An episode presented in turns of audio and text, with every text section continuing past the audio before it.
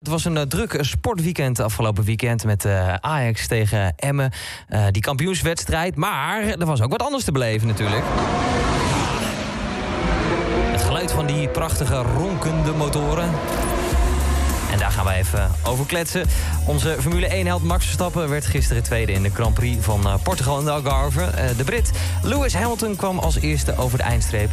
Er was enige commotie over het aantal WK-punten voor Max. Ik ga erover kletsen met onze vaste Formule 1-expert Jordi, Jordi Zandhuis uit, uit Assie. Jordi, goedemiddag. Goedemiddag. Ja, hoe heb jij voor de televisie gezeten afgelopen weekend? Was het ook een beetje schakelen tussen verschillende sporten of was het dedicated Formule 1?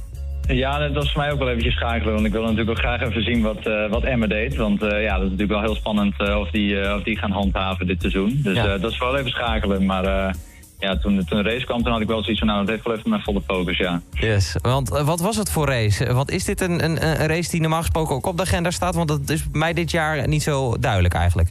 Nee, normaal gesproken staat Portugal inderdaad niet op de agenda. Die, uh, nou ja, die, normaal gesproken doen die niet echt een gooi naar, naar een plekje op de kalender. Plus de kalender zit eigenlijk ook al nou ja, bizar vol. Um, nou ja, goed, door corona uh, hebben ze nu daar toch van we blijven zoveel mogelijk in Europa.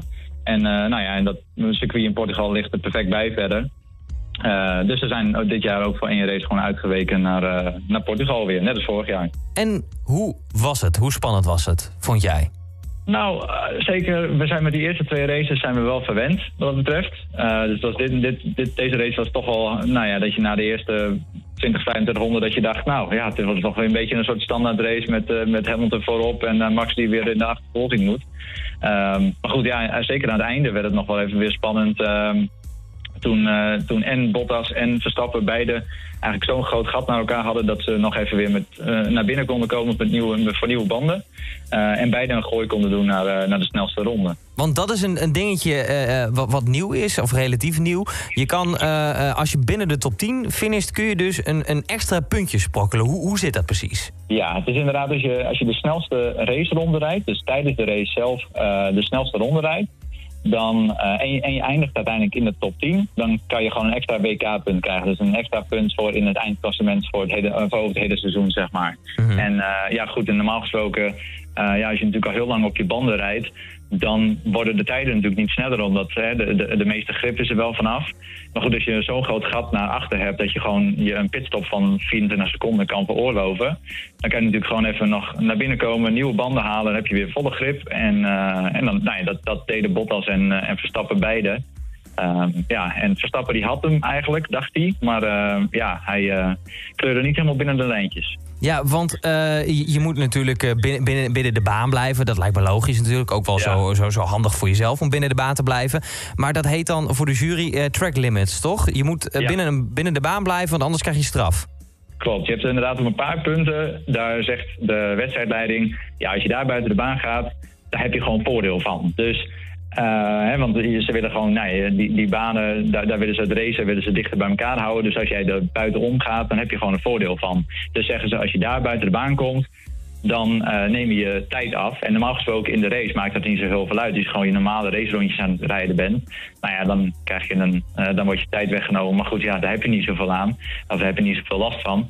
Maar nu, ja, als je die snelste ronde wil neerzetten, ja, dan is het lullig. En dan, dan zegt de wedstrijdleiding, ja, pech gaat, streep er door. Want uh, Max Verstappen die weet natuurlijk ook dat dit de regels zijn. Waarom was hij toch zo boos?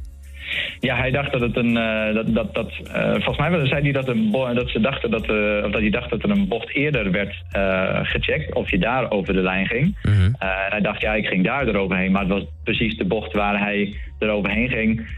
daar werd op gelet en niet de bocht eerder oh. waar hij dacht. Dus, oh, dus hij, hij was een beetje in de war of zo?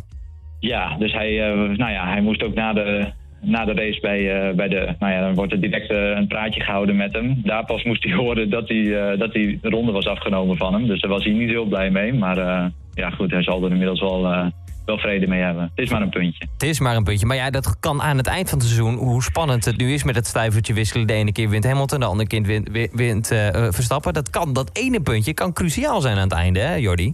Ja, nee, dat is zeker waar. Dus uh, ja, ik snap dat hij, uh, dat hij baalt. Maar goed, ik denk dat ze zoiets hebben zo van... we moeten nu gewoon... Uh, het circuit lag de auto ook niet helemaal. Ze hadden niet het meest vlekkeloze weekend.